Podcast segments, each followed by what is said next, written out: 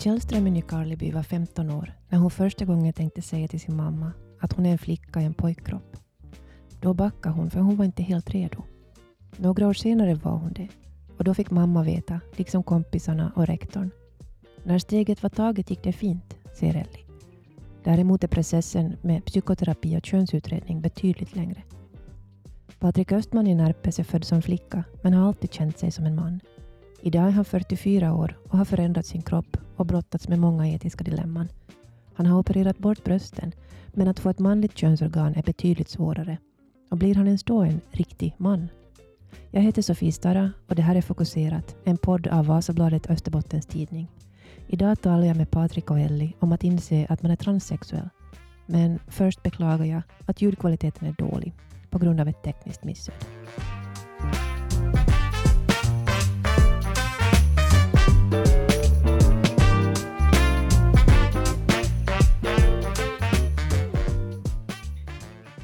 Jättevälkomna till Fokuserat, Patrik Östman och Ellie Källström. Tackar, tack, tack.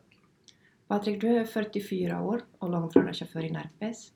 Ellie, du är 18 år och abiturient i Nykarleby.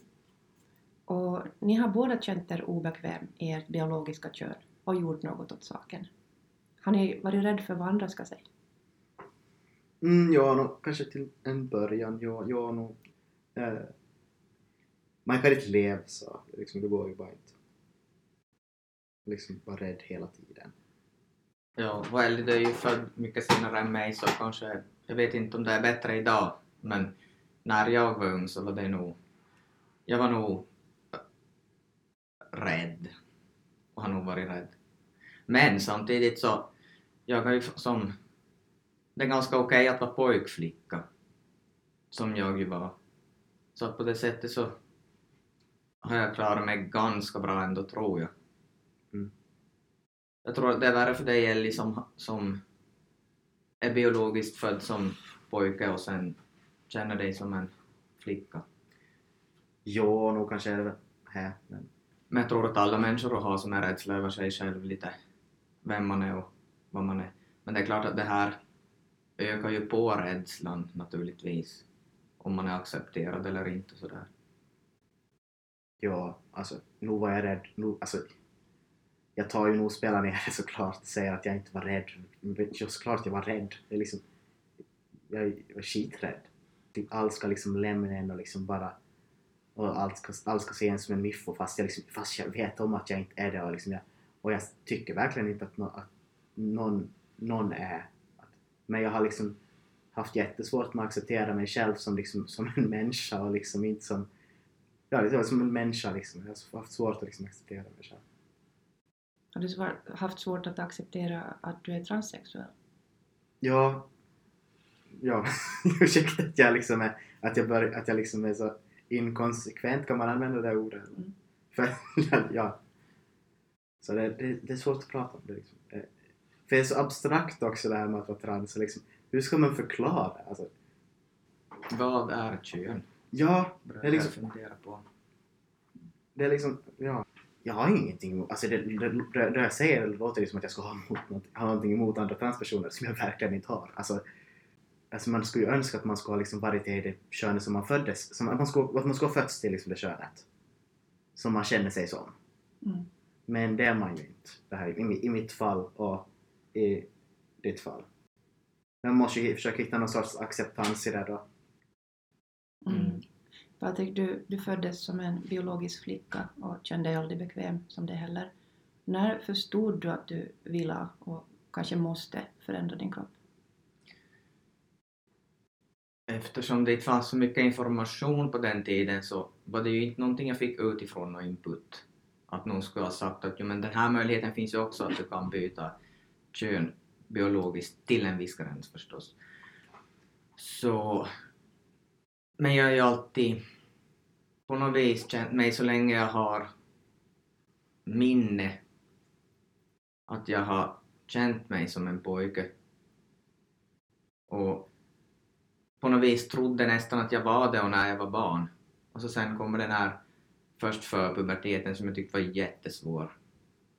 När jag märker att nu börjar kroppen fara dit jag inte alls vill. Så då blev det nog uh, jobbigt. Jo. Du har säkert samma mm. upplevelse. Mm, mm, ja. Ja, det var, ja. Ja, skitjobbigt. Jag, tyck, Mm. jag tyckte inte alls om det. Jag, jag kan inte lägga ord på det liksom. Det, det var helt... Ja, få är väl du med sin kropp i puberteten, men ni hade på en annan nivå. Kan ni beskriva känslan? Alltså den där känslan är nog går nog nästan inte att beskriva. Eller jag har inte ord för den i alla fall.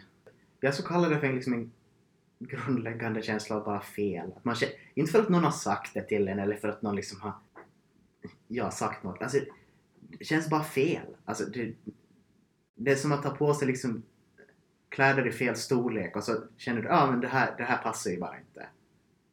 Ja. Sen så var det en, på en biologilektion så var det läraren som sa att sen finns det också sådana som är födda i, fel kropp.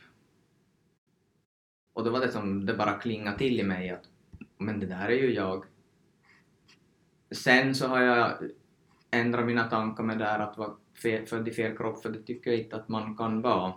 Det finns inte några fel kroppar. Det är nästan som kränkande att gå och säga åt någon att men du har ju fel kropp du. Inte finns det ju några fel kroppar. Utan man är ju född som man är och det är helt OK. Men sen så den där känslan av att man inte är bekväm i den där kroppen. Den känslan är ju overklig. Och det är nog någonting mer än att man känner bara att man har för stora öron eller är lite för fet. Det är något, som går som mycket, mycket djupare. Mm. Ja. ja. I något skede har ni ju fattat beslutet då att ändra på er kropp eller vad ni uppfattar som. Hur kändes det att ta det beslutet? Alltså det var ju inte ens ett beslut. För det fanns ju inget annat sätt att gå, eller annan väg att gå. Alltså det var ju liksom att fortsätta leva liksom, leva liksom i en lögn. Eller ta och bara, om jag skulle ha fort, om jag skulle ha tagit, om jag inte skulle ha kommit ut skulle jag ha tagit livet av mig. Rent ut sagt. Det fanns inget annat val. Det fanns bara en väg att gå. Men vad menar du när du säger att leva i en lögn? Att leva, att, det, det hade få lite ut fel, ursäkta mig. Men jag menar liksom att Nej men då kan det ju kännas så nog. Nej men att, att, att ljuga för sig själv hela tiden och säga ah, men nej, jag är inte egentligen trans. Jag är inte egentligen... För jag hade, jag hade väldigt svårt med liksom att acceptera att jag var trans. Men då tycker jag det här med att, att man säger att man är trans. Jag har ju jättesvårt att själv identifiera mig som trans. För att det är ju inte någonting som man kan diagnostisera som man kan diagnostisera cancer, till exempel. Utan det här är en diagnos som man på något vis lägger på sig själv även om man går via en läkare. Man kan inte ta något blodprov som bevisar att man är trans. Utan det är bara någon känsla man har. Så därför har jag som jättesvårt att identifiera mig som trans, utan jag Mm. identifierar mig bara som... Jag vet inte hur jag ska säga. eller- Ja, det det är det Den begreppet jag är. som finns. Det är det begreppet som det, det ord vi använder, Ja, jo. jo. För vi har ett behov av att etikettera människor som, precis. som någonting. Nej, men alltså, det, det där är ju bara mitt fall. Alltså, det är, ju- såklart så är det olika för andra människor. Är Mm. Jag vet att jag är ganska ovanlig också när jag säger det där att man pratar ju nog om att man känner sig att man är född i fel kropp och att fel kropp och så vet jag att jag har lite sådär motsatt åsikt när jag säger att det finns inte några fel kroppar. Men det beror kanske på vad man sätter in i orden. Men du har ju ett bredare perspektiv på det helt enkelt. Kanske. Kanske. Jag tycker om att problematisera, resonera och som se på saker från alla möjliga synvinklar. Även om det är väldigt obekvämt så det är som mitt intresse att träffa människor som tänker annorlunda än mig och, och röra mig i kretsar där man kanske ser på det här på ett annorlunda sätt. Ja, men det är en bra tankegång. Man ska liksom inte... För jag vill komma fram till det som är sant, ja, inte det som är bekvämt för mig. Ja, men bara för att någon annan liksom tänker på ett annat sätt betyder inte att det är fel. Det är ju bara ett annat sätt att tänka. Mm. Vi är ju inte riktigt där idag. Utan Mm. vi är ju fullt upptagna med att anse att någon som inte tänker som en själv så har en massa fel och brister. Mm. Tyvärr. Och därför tänker jag kanske går utanför ämnet nu men därför har jag blivit lite så här frustrerad nu på sista tiden när transfrågan har varit uppe så här mycket, att, att det finns så många experter. alltså, vem är expert? Att det är som också, det har gått så djupt in i politiken, Mm. att man använder det här nu med trans, transpersoner som någon sor- sorts slagträ för att plocka politiska poäng. Mm. Att jo men se nu vi står på transpersoners sida och så här är det och så här och, och ni tänker fel och, och så utmålar de sig själv som de värsta transexperter, det är de ju inte. Man måste nog tycka ha en mer ödmjuk hållning och fast man är politiker och måste fatta vissa beslut så, så skulle de behöva tänka på att ja, men, vi vet ju nog inte allt om det här. Mm. Vi är inte läkare utan vi är politiker. Vi är inte forskare, vi är politiker. Så jag har blivit lite störd på det där faktiskt, den senaste debatten. Att man själv blir använd i ett politiskt partis syfte att lyfta sig själv. Mm. Jo, så kan man ju säkert tänka om man är, tänk, se på det cyniskt och det finns, du har säkert rätt i att det finns också personer som använder det för att plocka egna poäng men samtidigt är jag, jag försöker vara optimist och tänka att det är ju en, handlar ju ändå, jag tänker ändå, det handlar ju ändå om människor som försök, vill förbättra omständigheterna för en minoritet. Alltså, Ja, alltså jag tror nog att, att många människor, de flesta politiker också, vill ju som det som är bra, men man kommer fram till olika slutsatser. Som jag själv nu då är, är KD-medlem, mm, och då har jag ju nog många på ögonbrynen. Va? Trans och KD-medlem, det går väl inte ihop? Men nog tycker jag att det gör det nog. mm. Du är ju ett levande bevis på det här. Att det Om inte du tydligen får en, funkar. en ny diagnos någon gång som schizofren eller Ja, exakt. ja, men de säger att intelligenta människor kan ha många motstridiga eh, tankar utan att få ångest. Man kan tänka från flera håll, så jag får trösta mig med det. Då jag pratade tidigare om att jag undrar hur det kändes när ni tog beslutet att göra något åt er kropp. Så du har ju tagit beslut som påverkar din kropp. Mm. Det har inte du Ellie ännu hunnit eller haft en möjligheten att göra. Men, men du har gått igenom det. Du har gått igenom testosteronbehandlingar och Ja. operationer. Och exakt vad vet jag inte. Men, men berätta hur det kändes att ta beslutet att göra det här. Alltså det är ju en process och jag har ju alltid velat göra det här men, men eftersom jag väntade ju ganska länge in i livet på grund av då just för att jag är en sån person som bollar tankar och vill att det ska bli rätt. Att jag kastar mig inte bara in i någonting för jag hade på något vis hoppats att jag skulle kunna vara den jag var född som och leva liksom ut alla de sidorna av mig själv utan att börja ändra på någonting.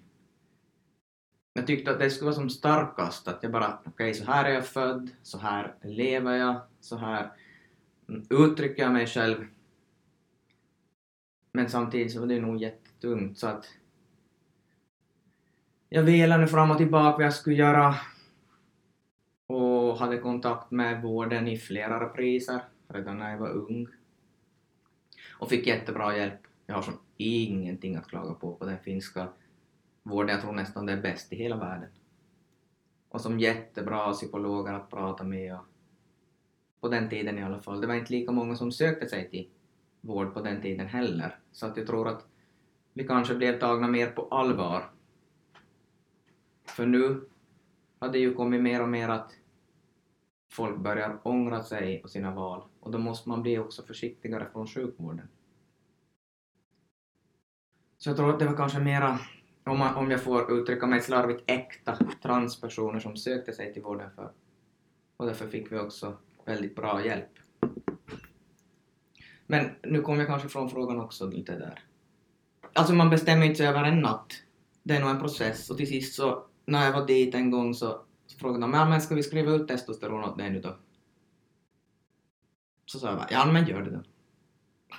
och, så, och så började jag som sakteliga, jag tänkte jag provar nu och ser hur det känns. Och sen bara, nej det här måste jag nog fortsätta med. Och nu har jag ju kommit så här långt så det är nu svårt att gå tillbaks nu också. Och jag vill ju inte heller. Vilka förändringar har du gjort? Egentligen är det nog mest testosteronbehandling som ju påverkar rätt mycket. Skäggväxt och kroppsform till viss del och tyvärr lite skallig har jag blivit.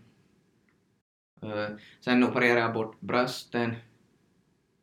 Men jag har inte gjort någonting åt delarna. Vilket jag trodde, och många tror, att det är mycket lättare än vad det faktiskt är. Så jag tror det är viktigt att man lyfter fram just i sådana här poddar och i media att det där att byta kön, eller vad vi ska kalla det, korrigera kön, så det är inte någon enkel sak. Och man... Jag kommer fram till att men jag kan ju inte byta kön. Det är helt omöjligt. Jag kan ta bort mitt kön och göra att det ser ut som någonting annat. Men det blir ju aldrig en, ett manligt kön. Och det är lite otäckt när man kommer fram till den slutsatsen att okej, okay, men nu har man ju sagt här att ja, men man kan byta kön. Nej, det kan jag inte alls. Mm. Att juridiskt kan jag byta kön. Socialt kan jag bara uppfattas som en man, men, men biologiskt kommer jag aldrig ända fram. Och det är ju som en sorg också. Mm. Så att eh, jag är ju till exempel steriliserad, som egentligen var kanske ett äh, måste för att man juridiskt ska få byta kön, men i Finland har man inte praktiserat det där med sterilisering på, jag vet inte hur många år, men många år. Det är intressant att du säger det, för det var ju en det, det sågs ju som ett stort framsteg med den här förändringen i lagen, att man inte behöver längre tvångssteriliseras. Ja, men samtidigt så när man tar hormoner nu som jag gör, så då är jag ju i princip kemiskt steriliserad, så det var det man räknade som att good enough. Ja, precis.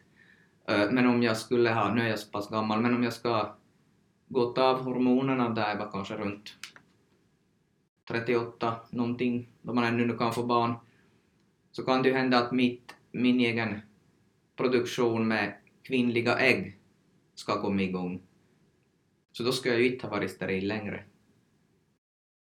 Så då ska jag kunna i princip fått barn om jag ville. Men nu är det för sent.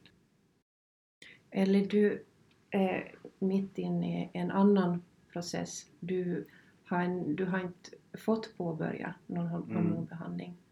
Ja, jag har hållit på i nästan två år nu. Vad heter det med att försöka få... Jag måste fara via... För att få hormoner så måste man ju fara via liksom terapi. Och sen efter det måste du fara på en till terapi. Sen måste du fara på eh, en till sorts terapi. för att sen kunna fara på en till sorts terapi. För att kanske kunna få hormoner. Alltså det är liksom. många steg som du ska igenom innan du kan påbörja en hormonbehandling. Jo, alltså... Jo. Tycker du att det är bra eller dåligt? No, jag tycker att det är ganska... Det är ju nog bra att det är liksom att de tar och gör så att det tar tid men... Det som har varit jobbigast med det är liksom att man inte direkt fått någon info. Liksom att, att att man... Jag har ju fått så ja nästa steg så är typ att du ska fara på och prata med någon. Men sen efter det så vet jag inte direkt så jättemycket och jag har ingen tidslinje. Tror du att det kan ha att göra med att vi pratar finska? Eller pratar du finska? Nej, tror jag att det påverkar inte för liksom... Ja. För jag tänkte att jag kanske inte fått information för att jag fattar. Så jag har tagit som svensk information, men då går det inte helt att applicera här heller på, på oss från Sverige. Nej men tror jag att... Jag vet, jag vet inte liksom det... Ja men det är så svårt att säga för jag har ingen aning egentligen. Alltså jo, jag vet nog typ att jag... Att jag, har, jag är på psykoterapi nu. Och det, måste, det ska jag vara i en cirka sex månader. Och sen efter det kan jag kanske få bör, påbörja liksom en könsundersökning. Och sen en könsundersökning sker, håller på väl i några månader. Uh, och före det då så har jag liksom varit uh, två turer till det här mentalvårdsbyrån. Uh, till först så var jag Jakobstad mentalvårdsbyrån i sex månader cirka. Kanske det var lite mer, kanske det var lite mindre, jag är osäker nu, jag kommer inte helt ihåg. Men cirka något sånt blev det till. Uh, och sen så uh, for jag till Helsingfors och så berättade de att ah, du behöver, behöver fara på psykoterapi och för att kunna fara på psykoterapi måste du fara till mentalvårdsterapi. Uh, eh, och de ansåg att den terapin som jag hade varit- varit på, mentalvårdsskolan i Jakobstad, inte var liksom giltig. Så då behövde jag fara till Nykarleby då på mental, vuxen mentalvårdsskolan. Uh, och där så behövde jag vara i tre månader. Så. Eh, och liksom, ja nu säger jag, vad är det? Psykoterapi som sagt. Och är det psykoterapi så erbjuds ju inte, eller det finns ju inte liksom i det här offentliga, du måste ju vara privat på det. Så liksom, Jaha, du måste vara privat på det. ja, finns inte. Men du måste väl betala det själv? Det är väl nog Uh, Kela betalar en del av det. mm. Ehm, men jag måste betala en del själv nog. Så. För det skulle ju vara gratis i Finland faktiskt att korrigera kön. Och så gott som är det ju nog faktiskt gratis. De flesta länder betalar man ju för. Ja, alltså det är nog men jättemycket billigare i Finland än vad det är i Mm. många länder. om man jämför med USA, där betalar de allt själv. Mm. Ja. Men där betalar de ju all sjukvård själv. också så att det är Jo, som ett helt annat system förstås. Men sen tror jag också det här med att om man mår dåligt i sin kropp och börjar fundera på det här att ha det med könet att göra och att idag har det ändå blivit någon sorts förklaringsmodell att man kanske är född i fel kropp. Och därför tror jag också att man måste som från sjukvårdens sida vara mer uppmärksam. Som att, att är det faktiskt äkta nu det här? Eller är det bara någon som har, har tyckt att ja, men jag mår dåligt och det här är en förklaringsmodell, kanske jag är trans? Jag tror ju att man nog vet om man är trans sen man är ganska liten, om man faktiskt är det. För jag pratade med kirurgen som opererade mig och hon sa att nu för tiden kan det komma som två från samma klass tillsammans och säga att vi är trans. Och då blir man som lite så här höj på ögonbrynen, kan det faktiskt vara så här eller inte var det ju så här förr? Varför är det så här nu? Så jag tror nog det är jättebra att det tar tid. För att om vi säger att jag skulle vilja byta kön redan när jag var barn, men samtidigt om jag tänker att jag ska ha fått det, så kanske jag idag skulle tänka, men tänk om. Tänk om jag hade trivts då i mitt biologiska kön. Och kanske nu då börja fundera att ska jag måste prova, prova det nu då? För tänk om jag missar något. Så no, det, jag tycker att det är bra att det tar tid. Fast det är jättetråkigt. Men livet kan vara väldigt tråkigt ibland. Tog det lika, krävdes det lika många utredningar för dig? Alltså sen var nog olika tester och kolla att inte jag nu hade något sånt här annat psykiskt i bakgrunden och men jag tyckte nog faktiskt det var en enkel process ändå. Jag var till och med lite förvånad över hur enkelt det var. Just när de sa det, men ska vi inte skriva ut hormoner nu? Men sen tror jag att det var det jag var väldigt, väldigt öppen. Så jag, jag tror de kände att de här är en person som kommer nog och, och, och faktiskt känner sig som det motsatta könet men har bara som etiska dilemman. Så jag tror de kanske ville pusha på lite och att inte jag skulle ta för mycket hänsyn till mina etiska dilemman så att de ja, de nästan som uppmuntrar mig. Och jag vet ju andra kan de ju säga som tvärtom att har du tänkt igenom det här och du, du, du. För att de, de kanske ser att är en person som faktiskt har varit ärlig med sig själv. Hur reagerar du på det här? Eli? En helt annan värld än vad du har varit med om. Jo, jo, mm, jo. Mm. Alltså det här med att ångra sig så liksom det har jag lite sådär att för jo, nog kanske väl folk kan ångra sig men jag har lite, men jag har, jag, jag har svårt att tänka mig att liksom någon far igenom den där processen och så tänker ah, jag ångrar mig, jag ångrar att jag gjorde det här. Utan jag tänker istället att det är väl, jag tror att de att de kanske tänker att ah, jag, jag behöver ta det här steget för att komma till den som jag är idag eller komma fram till att till vem jag är de har, liksom, jag har blivit, de har sagt till mig flera gånger att ja, men du kan ångra dig. Mm. och det, det har liksom varit mitt svar då, liksom att ja, det kan jag. Och det, och det är okej. Om jag gör det så, så då gör jag det. Men jag måste göra det här. Mm. Och det är ju ditt, ditt liv och ditt Ja. val. Så att, jag, jag måste göra det här. Att, om, att det går bara inte att liksom göra någonting annat. Men just att man har ju som, om vi tar Sverige som exempel där jag följer mera med så där är det ju nog ganska många som har ångrat sig och gått ut i media och blivit lite hårt behandlade. Jag som ofta jag vill fly och lyfta fram den här mer komplexa sidan.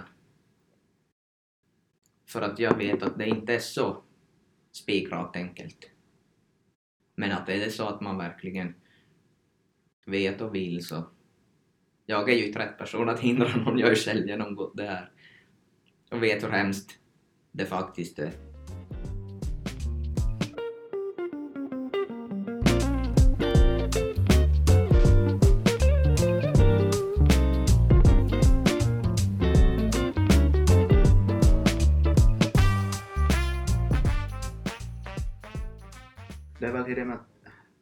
Rösten så har ju förändrats för dig direkt. Där.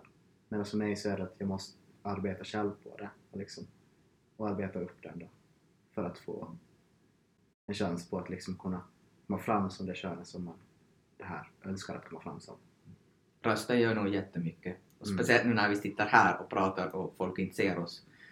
Men min röst har ju inte heller gått ner så mycket för att jag började så pass sent med hormonerna så att det finns vissa saker som har förändrats sämre än vad jag skulle önska.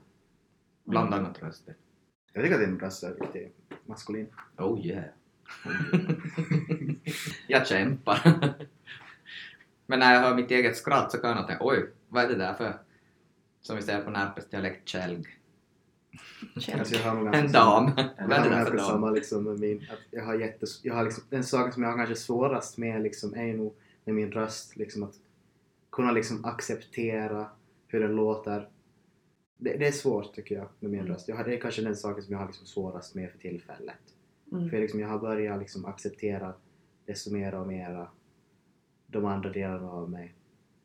Såklart, så, eller liksom inte kanske acceptera men liksom bara, bara liksom okej med situationen.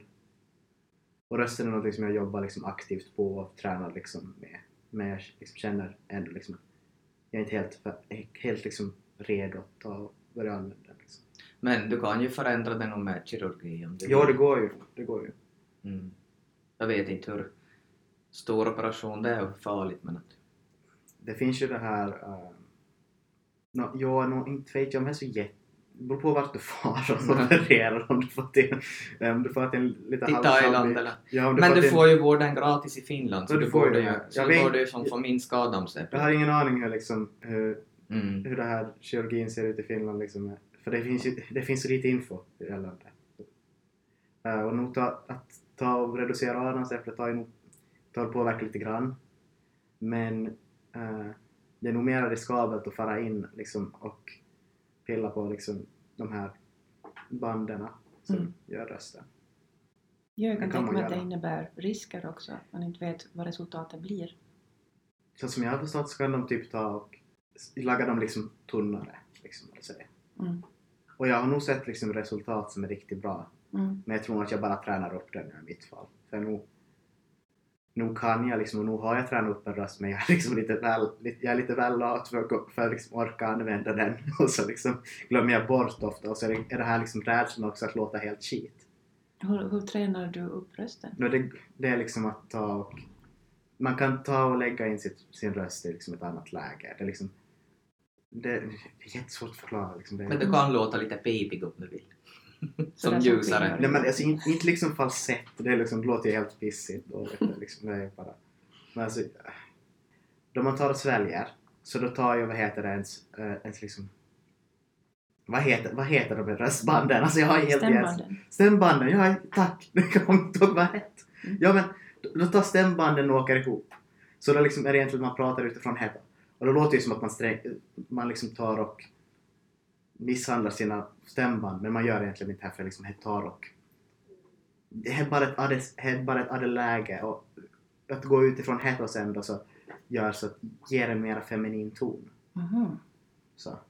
Men det är jättetungt att man måste gå och anstränga sig. Nej, för man, man, man, bör inte, man, blir, man bör inte göra det här liksom. Efter, Nej, nej. För liksom, här liksom, efter en stund om man har hållit på med så liksom är det bara, ja men är bara där att det liksom, det är som att prata med vilken, prata med vilken röst som helst. Så det, är liksom, det finns ju jättemånga som tar och gör sina röster för serier och de, de har lite liknande teknik de och de har och de, Men du känner inte att du spelar en roll då? nej, nej, nej, Nej, nej. Mm. gör det inte. Men jag är väl rädd att det ska låta som det. Mm. Det är ganska svårt att göra ett manligt könsorgan, men har du funderat på det? Och jag funderar jättemycket på det. Och skulle det bara gå att få det bra så skulle jag nog göra det. Men det är ju det som är problemet. Att det inte går att få riktigt bra. Så det är ett stort risktagande. Men klart att jag vill. Jag känner ju mig som en man. Igår var jag till exempel och vinterbadade i Tammerfors. Massor med män i samma omklädningsrum. Då får man försöka börja smussla. det går ju på något vis. Och jag tror ju äldre jag har blivit och desto bekvämare har jag blivit med att nu, nu möter jag ju på bekymmer då ibland. Och så förstås, hur fungerar det sen sexuellt? Det kanske blir sämre. Eh, det krockar i mitt huvud, mitt kön och min hjärna och min själ kanske man kan säga. Så att jag kanske alltså inte riktigt fullt... Den där sexualiteten är ganska problematisk på visst sätt när det kommer till min egen kropp. Jag skulle nog önska att det skulle vara mera friktionsfritt. Ellie, hur är det med dig? Det, jag har uppfattningen att det, det är lättare att skapa en vagina. Ja, så som jag har förstått så är det nog enklare. Ja, ja, jo, jag kommer nog ta och laga, laga om det till en vagina. Ja, jag kommer, jag kommer göra det. liksom. Jo, no, det är ju, det är ju enklare helt enkelt. Ja. Och det liksom, jag har nog... äh, det finns liksom... Online så finns det så att, att folk visar liksom deras operationsbilder och liksom... Herregud, det ser skitbra ut! Alltså, liksom, har, alltså har du sett hur det ser ut? N- nej. Det, det Man, man kan inte se skillnad. Nej, man kan inte se skillnaden. Det är liksom... Så jo, jag kommer. jo! Det är liksom... Det är inte ens frågan om. Alltså, liksom, för just nu så kan inte jag liksom... Om jag skulle ha någon så skulle jag inte helt kunna ha liksom ett, ett bra liksom så kallat sexliv. För liksom det...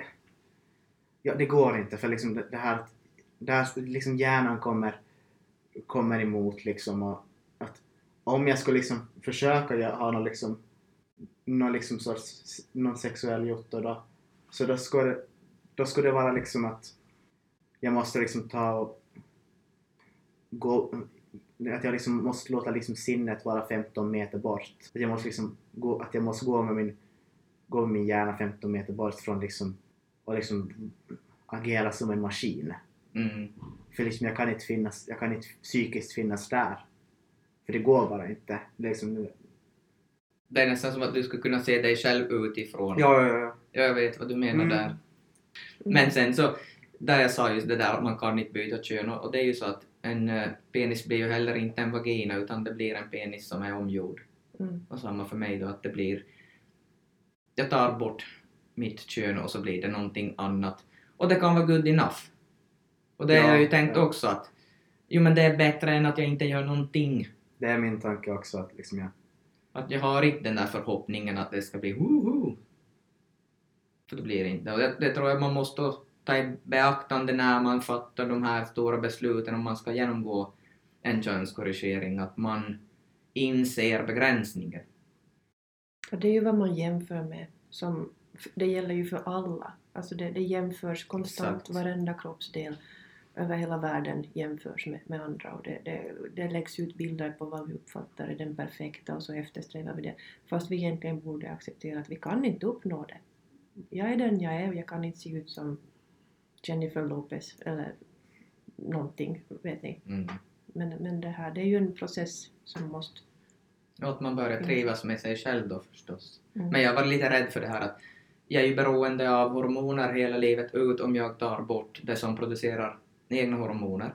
Och det är lite farligt om jag blir utan. Som, alltså jag är en sån här katastrofmänniska men Mm. jag har hela tiden tänkt i mitt liv att jo men någon gång blir det krig. För att nu, Finland hade levt, när det var 70 år eller vad det var, Finland hade varit utan krigsnära. Och men nu är det nog jättelänge det har inte varit krig här. Så det betyder att det kommer nog att bli snart.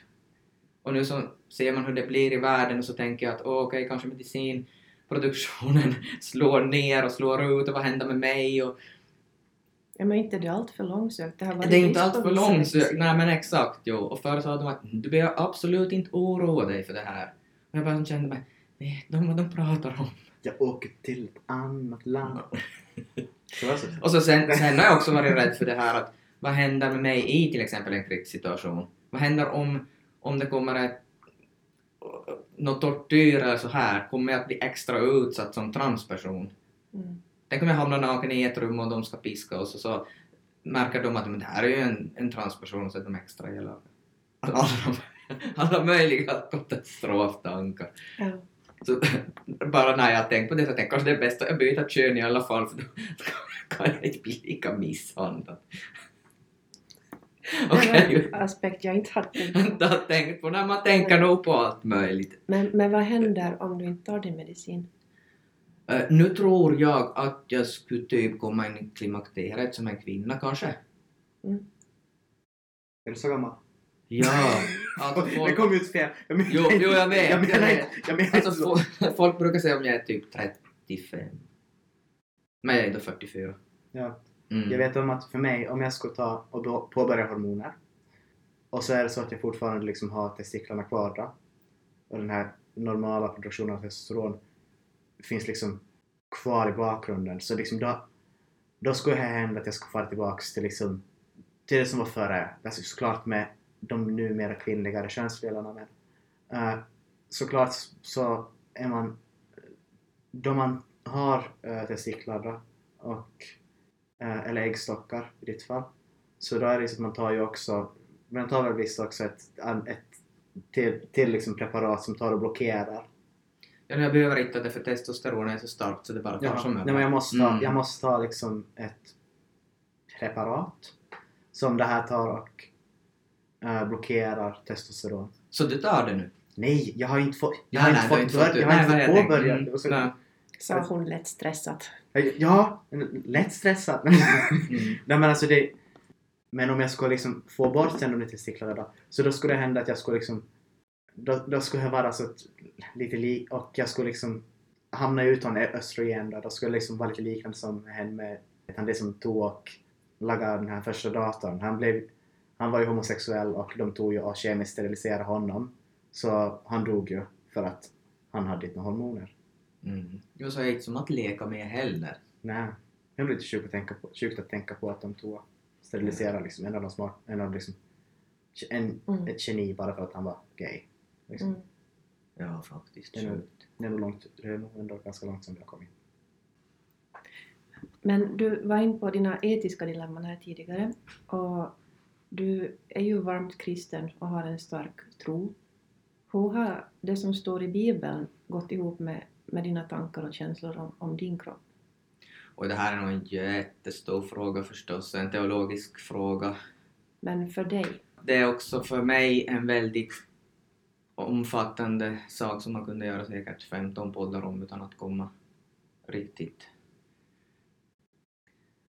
Eh, för, som, för jag som troende så inte bara med den här transfrågan utan överlag med saker och ting så tänker jag att jag har fått mitt liv av Gud och jag på något sätt äger inte mitt eget liv men jag ska göra det bästa av det. Och då är det väldigt viktigt för mig att jag i mitt liv frågar vad Gud vill och vad Gud har för tanke. Och det gäller ju som alltid bara den här frågan. Det är en ganska fin tanke. Fin tanke som kan bli rätt så invecklad också. Men i mm, Bibeln, ja... Bibeln säger ju inte så jättemycket om sådana här saker. För jag tänkte att kanske det finns någon djupare sanning om, om mig som person. Vilket skulle gå i motsatt riktning mot att jag byter kön, att jag kommer till någon sorts återvändsgränd. Att det, inte, det handlar som inte först och främst om några regler och lagar, utan om vem jag i så fall är skapad till av Gud. Och går det då ihop med ett så kallat könsbyte? Hur är det med, med relationer? Vilka? Om du vill leva med någon, Mm. hur, hur blir det? Det kan nog vara ett dilemma i och med att jag ser ju mig att jag, att jag tänker att man inte riktigt kan byta kön. Att man kan börja se ut som det motsatta könet och jag ser ungefär ut som en man. Men så att om, om jag är med en kvinna, vilket jag ju är, så på ett sätt blir det som en homosexuell relation. Och om man då tycker att homosexualitet är på något vis inte idealiskt så blir det ju det ett dilemma. Men jag kan inte riktigt säga var jag själv står i det här. Jag kan bara bolla med olika idéer och tankar. Men nu märker jag, jag glider lite undan din fråga nu. Men det är ju en väldigt personlig fråga. Absolut. Jo, jo, jo. Och Alltså, så kände jag också att jag har inte riktigt den tiden här att, att förklara riktigt så djupt. Och, och dessutom pratar jag inte heller till en kristen publik som kan förstå mina andliga ordval som jag skulle köra här i så fall. Så att jag väljer som ändå att lite lågt. Alltså, det är nog okej, jag har nog glidit från frågan det var jättemycket. Ja. Så det är liksom det är helt okej. Åtminstone enligt mig, men Här glider vi. det är ju inte jag som är värden för den här podden. Mm, jag ska försöka styra in det här nu då igen. Lycka till. Det är liksom, ja, du har ju märkt hur jag tar och direkt när du frågar en fråga så bara... jag liksom, det, är så, det är så svåra frågor att svara på där med, liksom, för det är så det är så personligt, det är så olika från person till person. Det är liksom, det, Ja, det är lite som ett pussel tycker jag. Att man, man skulle vilja lägga hela pusslet på en gång men det tar en liten tid att lägga tusen bitar. Att jag kan placera ut 10 här nu för dig men, men då ser du inte de där 990 andra. Och då känner man som att uh, blir jag förstådd? Mm, För det finns så många, många svar också. Liksom det, Men min, min tanke med att prata med er idag är just att visa åtminstone tio pusselbitar. Och Mm. att, att vara en transperson så betyder ju inte att man bara är det, eller att en transperson är den andra lik. Men upplever ni att ni får den stämpeln och att alldeles för mycket kretsar kring ert kön och, och er identitet? Jag kan nog ge ett svar men jag tycker jag pratar så mycket så Ellie du kanske... nej, inte har du pratat så jätte- jättemycket. Jo, det har nog Patrik har Okej, pratat jättemycket. någon- ja, men, alltså, Take it away. oh, mm, okej, no, alltså, alltså tyvärr nog så kan det vara liksom att det, det kan kännas liksom nästan lite halvlöjligt ibland liksom att då det är jättemånga liksom som tar och lägger att, att, en, att varje transperson är lik den andra liksom. Jag, liksom, jag, kan inte, jag kan inte ge några konkreta exempel nu på rakt av.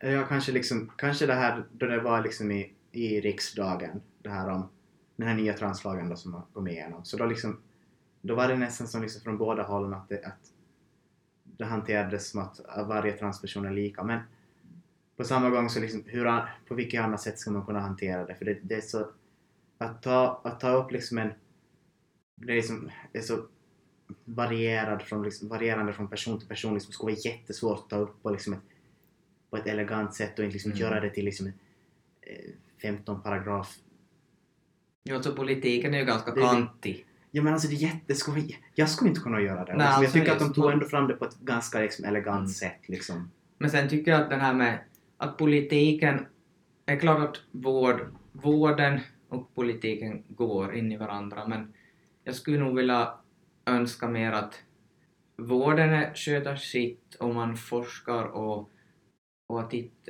att politiken ska, ska sätta sina fingrar så lite som möjligt innanför sjukhusets väggar. För jag blev lite besviken när jag kom till Helsingfors och skulle prata med en psykolog. Och så var det den här regnbågsflaggan på, på varje läkares dörr. Och det ser som att man tar in en politisk rörelse i rummet. Så jag frågade där att varför har ni den här?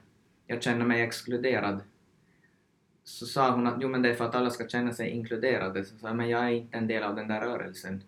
Jag vill vara älskad för den jag är. Men jag, jag, jag, jag är inte en del av en, en eh, Pride-rörelse.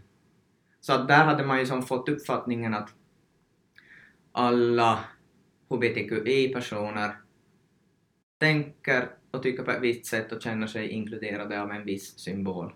Men kanske korset skulle vara en bättre symbol för mig. Men jag, jag vill inte att man tar in korset heller i vården. För att vården ska vara fri från politiken, vården ska vara fri från religionen. Du skulle inte gå med i en Pride-parad. Nej. Men jag går inte med i en Jesusparad heller. Det är inte mitt sätt att kommunicera, att trycka skyltar i, i facet på andra. Jag kan trycka skyltar i facet på mig själv bara för att provocera mig och ta fram olika sidor men inte på andra. Mm. För att återgå till de här pusselbitarna. Om vi helt lägger till sidan nu att ni är så kallade transpersoner. Vilka är ni? Ellie? Ja. jag, undrar, jag bara, vem, vem ska vi börja med? Men jag tycker, jag vet inte, är mick- är micken okej ställt? Vänta lite, jag ska ta ett glas vatten. Ah, Okej. Vi kan Skål. ha en andhämtning. Ska vi ta, ska vi ta Mm. skål? Mm, Mm. skål. Skål. Akta datorn.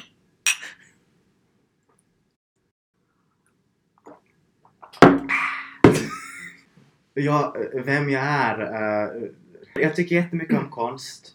Eh, jag, jag tycker också att politik är intressant. Eh, jag tyck, ja, men konst tycker jag jättemycket om. Jag tycker, konst, jag tycker om konsthistoria. Samtida konst tycker jag också jättemycket om. Till och med också det som, är jätte, som kan vara jättekonstigt. Typ som är på Kiasma. Att jag tycker Vad är det för något? Kiasma är det moderna eh, konstmuseet i Hesa. Och det liksom, där kan de ha helt galna saker som man, många liksom anser att det är inte är konst. De hade till exempel upp så hade de eh, gällande pälsfarmning så hade de liksom en vägg av liksom av de här resterna från liksom pälsfarmaset. Det var liksom helt, det var groteskt men jättehäftigt liksom. Och jag, jag tycker jättemycket om design. Uh, jag skulle jättegärna vilja utbilda mig inom det. Uh, speciellt den här delen av design som handlar liksom om att, att, att liksom hjälpa liksom och, och samarbeta liksom. Laga någonting mänskligt. Därför också är jag intresserad av politik. För jag tycker att det liksom, för att ja, hur, hur vi liksom människor kommer fram till liksom en, ett samhälle som gynnar oss alla liksom. Och som försöker liksom skapa det bästa liksom. Ska du utbilda dig inom någon sån här designgrej? Ja, jag, ska nog, jag, jag har nog sökt in till liksom designutbildningar nu efter. Men det är nog svårt att komma in så jag hoppas att jag kommer in. Men om jag inte kommer in så är det bara att ta, och, ta ett mellanår av det här och kanske fara på en folkhögskola, vad heter det, och förfina sina kunskaper och försöka igen. Om man inte kommer in då, kommer in då så är det ju bara att försöka igen. Det är liksom, Lägg på charmen Ellie så kommer du nog. ja, men jag tror, jag, jag tror nog att det går bra. Hur känner du inför skrivningarna nu i vår? jag inte är så jättestressad. Det är, liksom, det är lite samma sak där också. Att, att allt som det är, är ju bara ett prov. Och liksom, ja, det är ett prov med stor betydelse och jag lägger vikt på det definitivt. Jag, jag läser nog jättemycket till provet. Eller till proven är det ju. Är det ju men det, är- det är ju bara aldrig allt som det är. Det är, liksom, det är ett prov och det berättar inte om bra människa du är. Får jag Ja. fråga, Att- det. att, eh, har du haft såna här som vi kallar då typiska tjejintressen i din uppväxt och, nu? Men det är så svårt också att säga vad är tjejintressen. För liksom... eh, ja, alltså jag, jag, jag tycker jättemycket om Lego.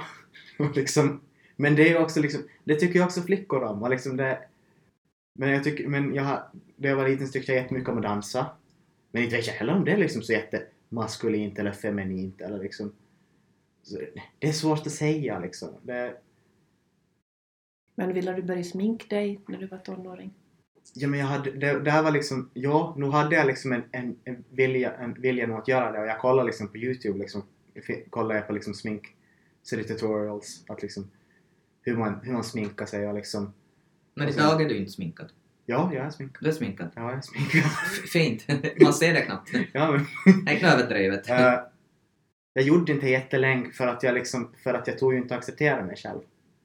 Jag hade en väldigt, jag, jag liksom tog och förtryckte det här liksom att jag var liksom, att jag egentligen är liksom en flicka och liksom, och tog, och, ja, att jag, jag, och, jag, och, nu liksom, tänk- och nu finns det liksom pojkar nog som sminkar sig och det är liksom, tycker jag är skithäftigt och ser skitbra ut. Men när du sminkar dig så då är det för att uppnå ett mer kvinnligt utseende?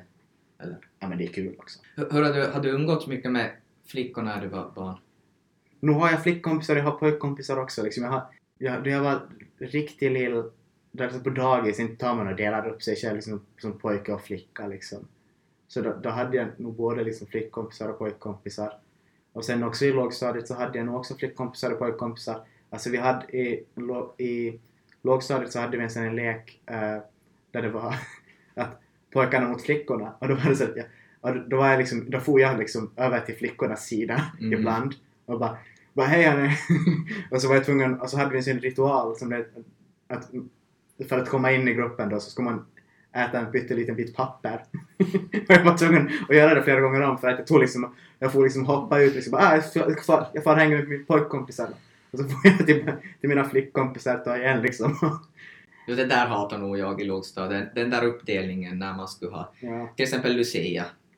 Alltså jag, jag hade ju så stark vilja så jag, jag vägrar ju allt sånt där som flickor skulle göra. De hade inte makt med mig. så jag fick förändra till skolan till exempel att flickor fick börja ha träslöjd. De Mm. var tvungna att ändra på det. Idag har de väl det. Nu är det självklart. Mm. Det är liksom... Vet ni, när jag måste ha det här äh, syslöjd, så jag, jag var så arg så jag stickade så hårt så att äh, den där lärarinnan fick inte stickorna rubbade från den där. det är i alla fall mitt minne, jag kanske överdriver. Och det har just ingenting med det man har mellan benen att göra egentligen, men alltså där var det ju då. Det är samma sak med smink ja. också egentligen. Mm. Och liksom- när hockey kom till så började jag var ju som att jag ska spela hockey. Det fanns inget flicklag, det fanns inga flickor som spelade.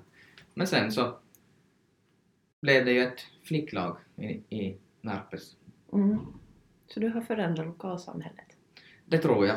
På, Mm. på ett, ja, nog lite. Se, och det är ju nog, tycker jag, ändå lite bättre om jag får själv göra en utvärdering. Jag skulle vilja ta, fortsätta med det här med smink. Att jag, tog, att jag hade liksom...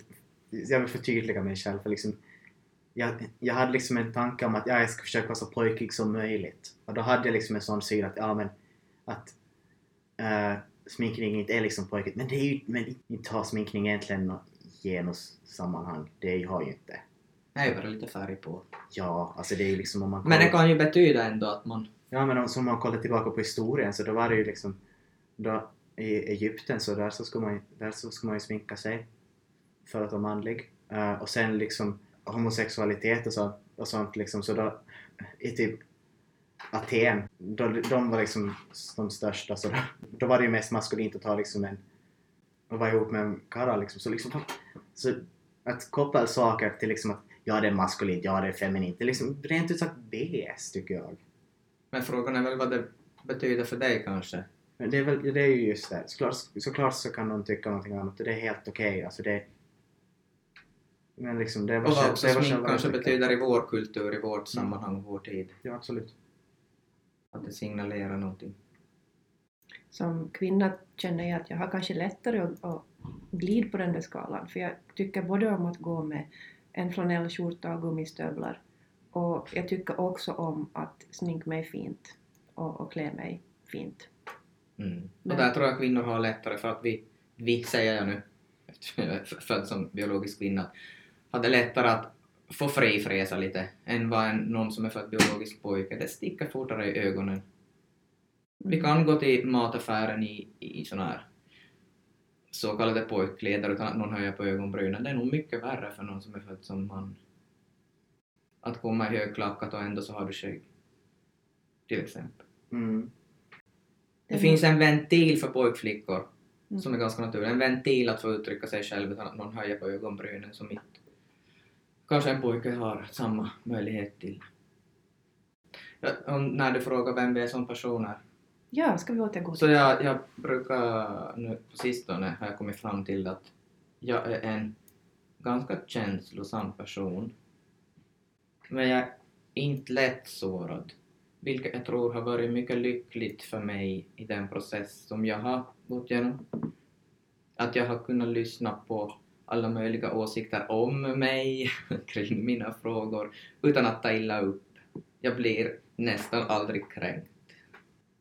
Men för övrigt så har jag nog varit en sån här riktigt typisk pojkflicka hela mitt liv och samtidigt som jag, jo jag, jag bara nästan um, umgicks bara nästan med pojkar hela min uppväxt. Men ja, nu trivs jag mycket bättre med kvinnor i kvinnligt sammanhang. Jag tycker kvinnor, ursäkta, jag tycker kvinnor är mer intelligenta oftast. Eller som har en social förmåga som eh, många män saknar. Okej, jag kanske rör mig i fel kretsar för att jag är ju lastbilschaufför. Och, och det är liksom inte kanske så riktigt djupa diskussioner när man sitter på, på, på båten med de andra och kör mellan Finland och Sverige. Mm.